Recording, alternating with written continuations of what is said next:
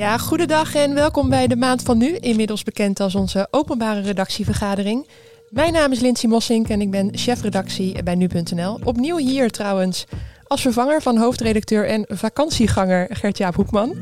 Ja, beste luisteraars, natuurlijk is Julien Dom hier ook. Jullie kennen hem, onze podcastmaker. De man die voor mijn gevoel nooit op vakantie gaat en altijd aanschuift. Welkom, Jules. Je hebt nog een heleboel dagen openstaan inderdaad. Maar die zal ik binnenkort eens uh, aanvragen. Goedemiddag, uh, avond, wanneer je ook luistert. Lindsay, uh, we gaan er iets tofs van maken deze week, deze maand eigenlijk. Zeker, zeker weten. Want de Olympische Spelen in Tokio zijn van start gegaan. En uh, daar wil ik het deze uitzending graag over hebben. Uh, want wat een vergrootglas op deze Spelen. En wat maken onze verslaggevers ter plaatse Riepke Bakker, Bas Scharwachter en Daan de Ridder veel mee in Japan. Het vraagt om een kijkje achter de schermen. Dus dat gaan we doen. Vanuit Tokio hebben we onze cameo Bas Scharwachter en uh, sportverslaggever Riepke Bakker aan de lijn. Uh, bereid je voor op een gedetailleerd verslag van jullie avonturen, jongens. Welkom. Ja, goeie, goeie avond voor ons eigenlijk. Ja, goedenavond. Op in de taxi zitten we op dit moment. In de, in de taxi? op weg naar? Op weg naar uh, Nederland, Verenigde Staten. Kwartfinale. We gaan, we gaan voetbal kijken. Mooi, revanche van de WK-finale. Ja, is best wel, ja, zeker een revanche. Maar dan kan je eigenlijk alle sporten volgen op de Olympische Spelen. Dan kan je uh, bergbeklimmen, lava springen, uh, kabouter gooien kan je allemaal volgen. En dan gaan wij naar het voetbal. Dus dat vind ik altijd wel toch wel iets geinigs hebben eigenlijk. Ja, dat snap ik wel. Maar goed, mijn uh, hart gaat hier wel sneller van kloppen. hey, jongens, en wat ik al zei, een kijkje achter de schermen. Ik denk dat onze luisteraars geen idee hebben wat jullie daar allemaal meemaken. Dus ik zou dat graag met jullie eens schetsen. Nou, je hoort het al, jullie zijn in de taxi onderweg naar weer een volgend, volgende sportwedstrijd. Neem ons eens mee. Je gaat naar Japan, je komt daar aan en dan? Ja, en dan, uh, kijk, het begint eigenlijk al in Nederland. Want je slaat nu een heel hoofdstuk over, maar voordat wij in, uh, in Japan aankwamen, moesten wij keurig elke dag uh, onze temperatuur doorgeven. Want ja, ze moesten zeker weten dat wij geen enkele keer koorts hadden gehad. Nou, nou, nou hoef je dat niet heel. Tenminste, je, je kan daar natuurlijk wel een beetje mee sjoemelen. Dat je. Nou ja, er is niemand die echt controleert of jij je temperatuur opneemt. En als je meer dan 38 graden bent, of je dat dan ook echt invult. Dus je kan in principe ook zonder te meten 36,5 invullen. Nou, ik pak even de microfoon van Riepke af. Riepke, heel eerlijk, heb jij dat één keer echt gemeten? Nee, heel eerlijk, nee. nee ik heb geen enkele keer uh, mijn temperatuur gemeten. Bovendien, als je koorts hebt, ja, ga je het dan invullen. Want dan is de kans groot dat ze zeggen, ja, je hebt een week geleden een beetje koorts gehad. Je komt Japan niet in. Dus uh, ja, heel betrouwbaar dat iedereen, media die hier rondloopt, geen koorts heeft gehad, is het niet. En ik vind ook, stel je voor, ik heb nou koorts. Want um, in Tokio moet je ook bij alle venues, alle stadions, moet je ook van tevoren je temperatuur laten opmeten. Maar wat nou als ik een verhoging heb? Wat nou als ik een verkoudheid heb of een griepje? Dan mag je dus eigenlijk ook niet naar binnen. Maar dat staat helemaal los van corona. Dat vind ik soms nog wel een beetje het enge van wat gebeurt er nou als je 37,5 hebt. Maar goed. Ja, als je moet eigenlijk voorstellen dat ja, overal waar wij binnenkomen uh, wordt meteen onze temperatuur gemeten. Maar goed, uh, dat gaat dan om stadions. Maar om het land in te komen, uh, ja, ja, goed, we moesten 95 verschillende soorten apps installeren waar wij van alles moesten invullen. ze wilden ook een heel plan hebben. Hè? Wat gingen wij hier allemaal speciaal doen? Um, ja, en toen wij. En twee PCR-testen natuurlijk. Die moesten uiteraard negatief zijn. Ja, en toen we aankwamen, ja, toen begon er een soort malle molen Um, ja, die een uurtje of drie heeft geduurd. En waar geen eind aan leek te komen. Overigens, die PCR-testen, dat is dan een geprint A4'tje. En wat is, dat is eigenlijk in elk land ziet dat er weer iets anders uit. Dus dan kwam je aangelopen en vroeg die mevrouw, ja, waar staat het woord negatief? En dan wees je dat aan. En dan zei ze, oh, oké, doorlopen. Dus ja, je had net zo goed een blaadje met het woord negatief, negatief erop kunnen zetten. Um, dat was al goed. Dus er zitten wel ja, het is af en toe wel een soort schijnvertoning. Je, je zou hier wel, uh, er zitten aardig wat mazen in de wet. Maar uh, nou, Bas, vertel jij nog even wat we nog meer hebben meegemaakt op het vliegveld? Uh, nou, kijk, een van de leukste dingen op het vliegveld was dat wij een nieuwe vorm van testen hebben meegemaakt. Wij kennen natuurlijk de PCR-test, oftewel het stokje in je neus drukken of duwen. daar moet je een speekseltest doen. En geloof me, uh, jullie, Lindsay... Hoe gaat dat dan in zijn werking? Ja, jullie hebben allebei wel eens op een lange vlucht gezeten, denk ik. En dat is gewoon qua ja, lucht in het vliegtuig is gewoon niet zo lekker natuurlijk. Dus dan kom je aan met zo'n droge mond. En dan moet je dus je, speeksel achterlaten.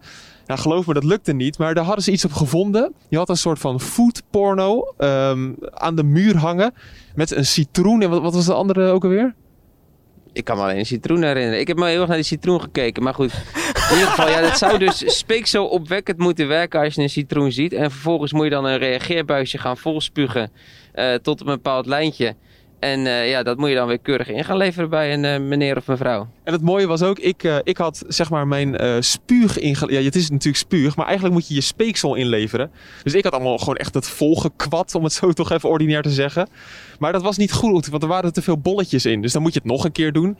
Maar goed, um, ja, dat, dat, dat is dus wat wij ook een beetje om de vier dagen nu moeten doen. Je speeksel inleveren. Allemaal dat soort gekke dingen komen er kijken bij de Olympische ja. Spelen. Ja, en het leuke is ook, je moet dan zo'n zo'n reageerbuisje, dat moet je dan ergens vol spugen. En dan zijn er overal van die punten waar je dat kan afgeven. Alleen ja, dat duurt wel eens. Dus soms zit zo'n speekselbuisje wel eens een halve dag in je tas. En dan is het, nou ja, het wordt eigenlijk steeds vloeibaarder. Daar kwam ik achter als je speeksel heel lang bewaart. Maar ja, ik, ik, als je die bak ziet met al die reageerbuizen, met dat spuug erin, je, je wordt er niet heel, uh, heel vrolijk van. Maar in ieder geval, uh, je wordt wel getest. En ja, we zijn blijkbaar nog steeds niet uh, positief op corona. Jongens, ik geef jullie gewoon een microfoon in een taxi ergens net buiten Tokio nu. En het gaat los, joh. Ja, ik dacht al, we zijn gewoon één grote monoloog aan het houden. Dat schiet ook niet op zo. Breek vooral in. Maar um, waar ik wel nieuwsgierig naar ben, nog één vraag even jongens. Hoeveel speekseltubes hebben jullie nu in jullie rugzak zitten dan? Nou, ik moet eerlijk zeggen, ik heb mijn buisjes gewoon op mijn hotelkamer liggen. Uh, maar je moet ze om de vier dagen wel meenemen. En dat hebben we vandaag ook wel moeten doen, hè Riepke? En hoe werkt dat dan? Nee, je, je spuugt hem thuis of in je hotelkamer vol en je doet hem in je tas. En ik heb net bij de judo hal heb ik, hem, uh, heb ik hem ergens in een bak gegooid. Dat ziet er wel heel onsmakelijk uit. Zo'n zo'n bak vol met volgespuugde reageerbuisjes, ja.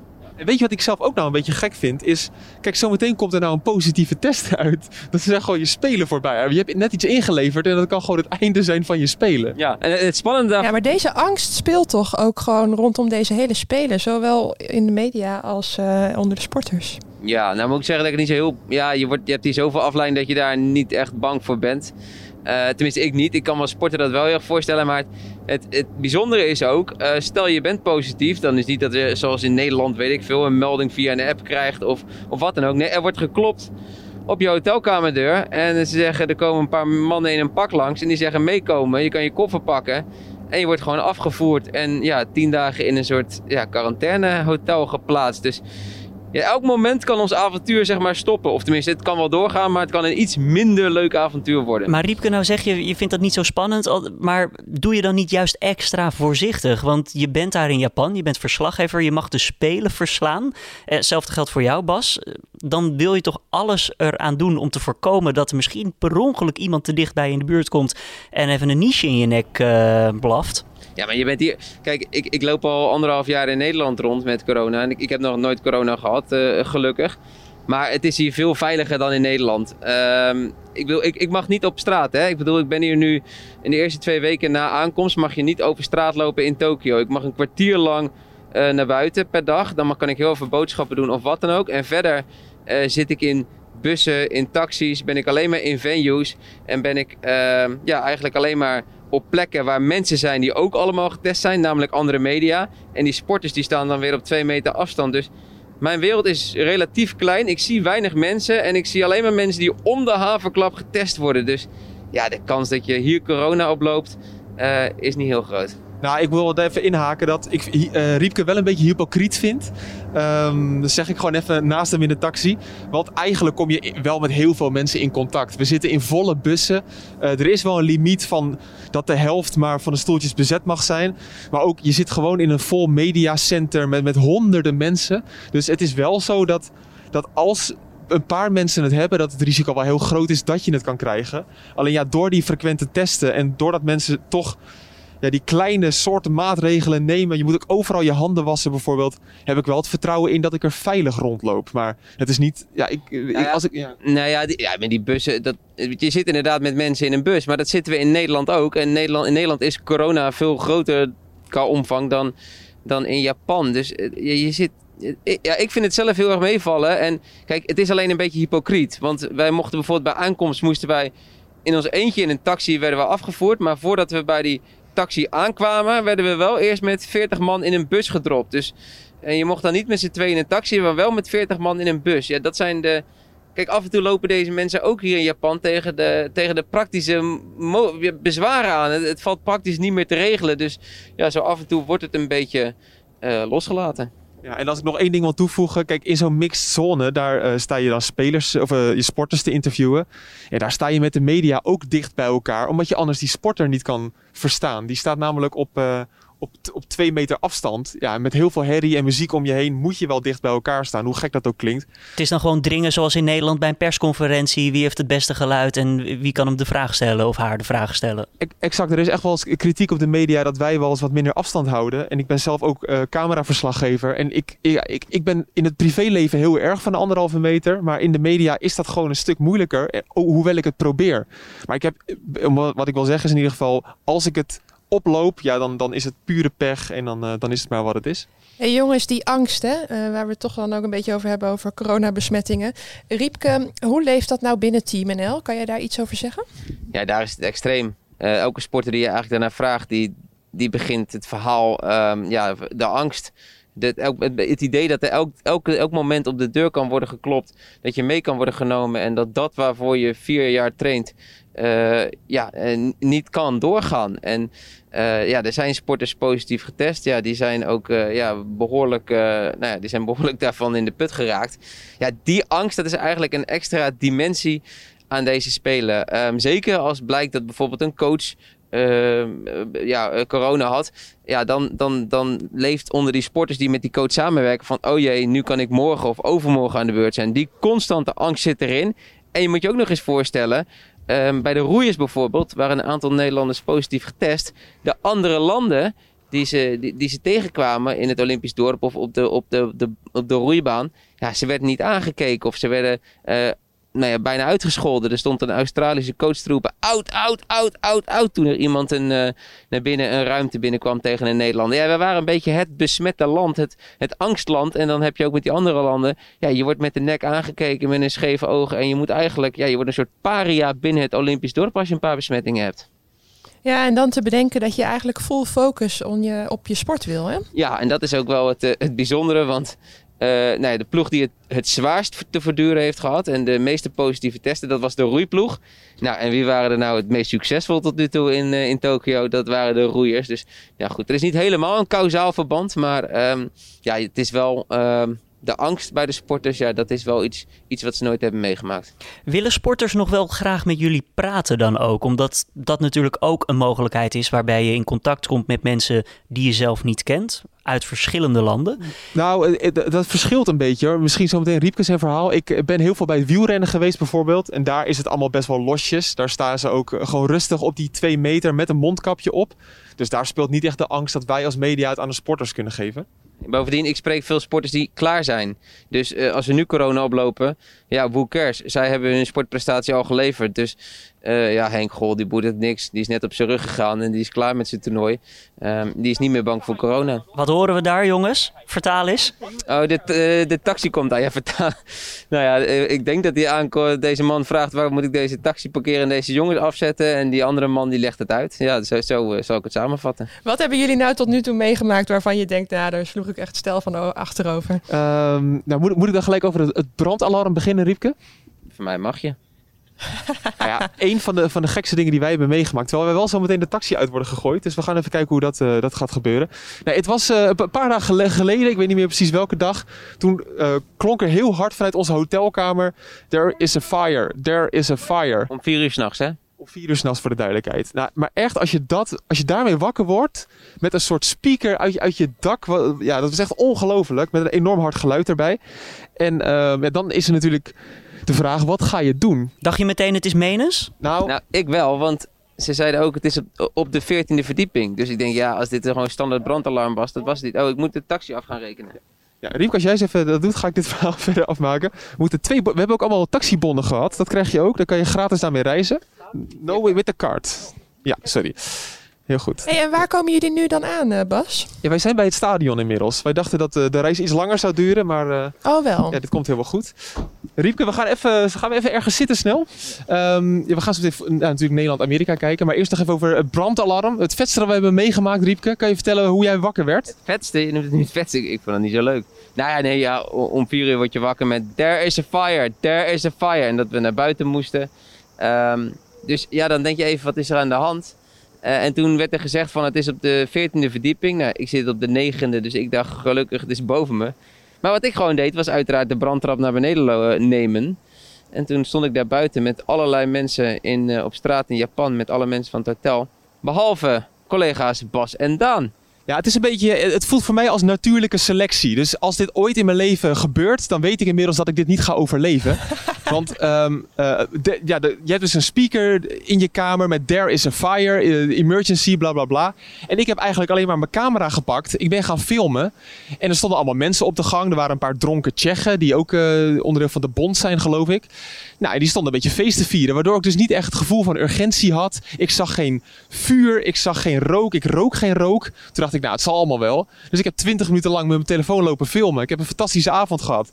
Maar als er echt brand was geweest, ja, dan eh, hadden jullie een andere cameo moeten zoeken, denk ik. Slapen jullie op dezelfde etage, Bas en Riepke? Nee, Bas ligt op 11 en Daan en ik op 9. Oké, dus, eh, maar eh, Riepke, Daan, jij, jij en Daan wel dus op dezelfde. En dan klop je niet even bij hem aan van, eh hey, ga met me mee, eh er is brand. Eh, heb ik wel gedaan, maar op een gegeven moment ging iedereen snel die brandtrap in. Ik denk, ja, maar ja, weet je, kijk, Daan heeft geen kinderen. Ik weet, nee, ja. nee, ja, ik heb toch thuis beloofd aan mijn, vriendin en dochters eh, van drie, zeker aan die van drie, die andere is nul, maar dat ik veilig thuis zou komen. Dus ik denk, ja, eh, goed, ik moet toch een keer naar beneden. En uiteindelijk was ik dus ook de enige beneden. En vervolgens werd er na een half uur gezegd van, eh, dat we weer naar boven moesten mochten. Zonder dat duidelijkheid werd geschept ge- ja, wat er nou aan de hand was. Maar gelukkig ging er de volgende dag in de lift een briefje met... Sorry, het was een vals alarm en technische fout. Dus eh, ja, zo maken we wat mee. Ja, en en Riepke, ik, ehm, dit is dan inderdaad diep in de nacht. Maar overdag heb jij ook nog dingen meegemaakt hè, die je niet eh, onder de categorie sport kan eh, zetten. Eh, nee, busvechten is geen Olympische sport inderdaad, nu het zo zegt. Nee, eh, nee, nee, Oh. nee. Nee, nee wat, ja, wat ik heb... Kijk, ehm, wij moeten dus in, in bussen zitten. Hè? Wij mogen niet op straat lopen naar een stadion toe of een openbare taxi nemen. Ehm, dus ik zat ochtends in de bus naar het eh, zwemstadion, want eh, Arno Kamminga ging een medaille winnen. Alleen ja, eh, ook hier hebben ze ochtendspits, dus het duurde en het duurde allemaal. En op een gegeven moment hadden we een vertraging van drie kwartier. En wat gebeurt er? We komen aan bij het stadion. En op 50 meter van het stadion komen we in een soort file terecht, omdat er allerlei dingen gecheckt moeten worden. En ja, de tijd tikt weg en Kamminga gaat bijna dat bad in. En ik denk, ja, we staan hier stil. En vervolgens stonden we 10 minuten stil, 20 minuten stil. Maar je moet bedenken, we stonden op 50 meter van het stadion. Dus we konden in principe gewoon dat laatste stukje lopen. Oftewel, fotografen die denken, ja hallo, ik kan geen foto maken, dat gaat mij geld kosten. Ik wil eruit. En op een gegeven moment werden er steeds meer mensen in die bus onrustig, we willen eruit. En die buschauffeur zei, ik mag jullie niet eruit la- laten, want dan lopen jullie een stukje over straat. En dan hebben we hier de Sri Lankese en de Noor- Noorse variant eh, ineens in, in, in, in Tokio in de vrije eh, zone. Dus ja, het werd een soort eh, spel dat mensen steeds harder op die busdeuren begonnen te slaan. En die buschauffeur wilde aanvliegen. Eh, net zolang tot er politie aankwam. En die ging met de buschauffeur in overleg. En ja, ze zaten maar te kijken. Ja, kan dit, kan dit niet, kan dit wel, kan dit niet. En uiteindelijk ja, ging de busdeur open. Mochten we 50 meter over het normale weg in Japan lopen. En toen waren we gewoon alweer in het stadion. Dus ja, zulke maffe dingen maken we hier mee. Ja, je staat hier uren te wachten voor zoiets onzinnigs eigenlijk. Wat een operatie dit, jongens. Niet normaal. Hey, ik heb ehm, nog twee afsluitende vragen. En ik denk vooral voor jou, Riepke. Want ik wil wel eigenlijk heel graag afsluiten met de sport. Eh, hoe zou jij deze spelen nou tot nu toe omschrijven... als je naar de sportieve successen kijkt?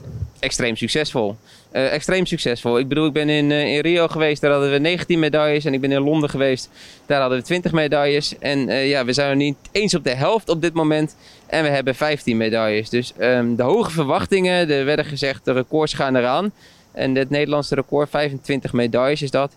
Sydney 2000. Ja, dat gaat er ook hartstikke aan. Het is echt een, een regen van, van medailles. En daar mogen we ontzettend trots op zijn. Het gaat heel goed met onze sport. Ah, ik vind wel, eh, als ik dan toch even mag inhaken, het is, het is wel nog een beetje de spelen van de gemiste kansen. We hebben echt wel een paar eh, gouden medailles kunnen hebben die we, die we niet hebben kunnen verzilveren. En letterlijk en figuurlijk kunnen verzilveren, want het is toch wel vaak zilver en brons geweest. Maar wat mij ook wel een beetje bijblijft is, ik ben zelf bij het wielrennen en BMX geweest. Twee evenementen waar wij eigenlijk hoge verwachtingen hadden. Wielrennen hebben we natuurlijk gezien met Annemiek van Vleuten. En zeker de wegwedstrijd, weet je wel. We zitten te kijken, we gaan toch wel goud pakken. Beetje Nederlandse arrogantie. En dan wint er zo'n zo'n Oostenrijkse, een, een amateur die helemaal geen profploeg heeft.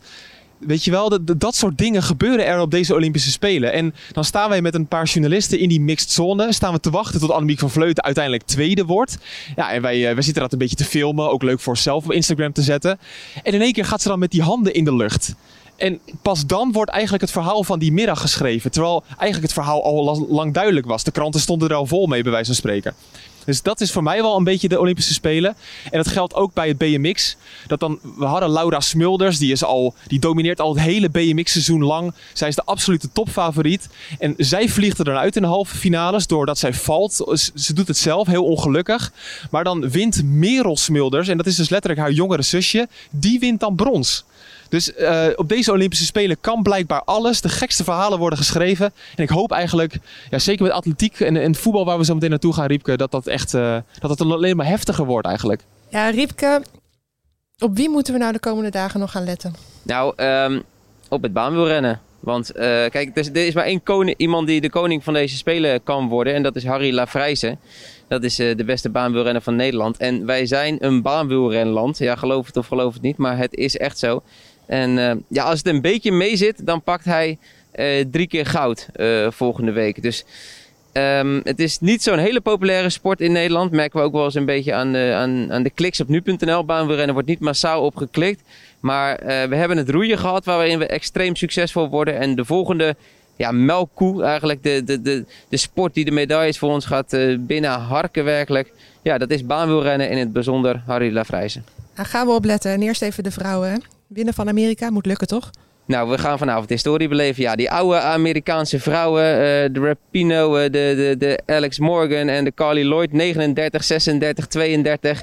Ze hebben lang genoeg aan de top gestaan. En uh, ja, alle voortekenen zijn zo dat ze vanavond een pak slaag gaan krijgen van de Oranje Vrouwen. We krijgen een wisseling van de wacht in het, uh, in het vrouwenvoetbal. Maar misschien is de hoop een beetje de wens van de gedachte, vader van de gedachte. Maar ik denk echt dat ze gaan winnen, Oranje. Ja. Weet je wat heel leuk is? Is dat wij nemen deze podcast op en over anderhalf uur is de wedstrijd al. Dus Julien, jij, jij kan snel monteren. Maar uh, de wedstrijd is al eerder gespeeld dan dat jij het online hebt, denk ik. Dus dit is een enorme jinx van, uh, van Riepke Bakker. maar we gaan het zien. Nou, even goed krijg ik er kippenvel van als uh, Riepke het zegt. Het zou fantastisch zijn. Jongens, heel veel dank. Riepke, Bas, voor dit uh, waanzinnig interessante inkijkje daar zo in Spelen en in jullie avonturen. Ik heb op een puntje van mijn stoel gezeten. Veel succes daar nog. wij gaan hier afsluiten, Julien. Dank weer. dit was de maand van nu. tot de volgende. Arigato.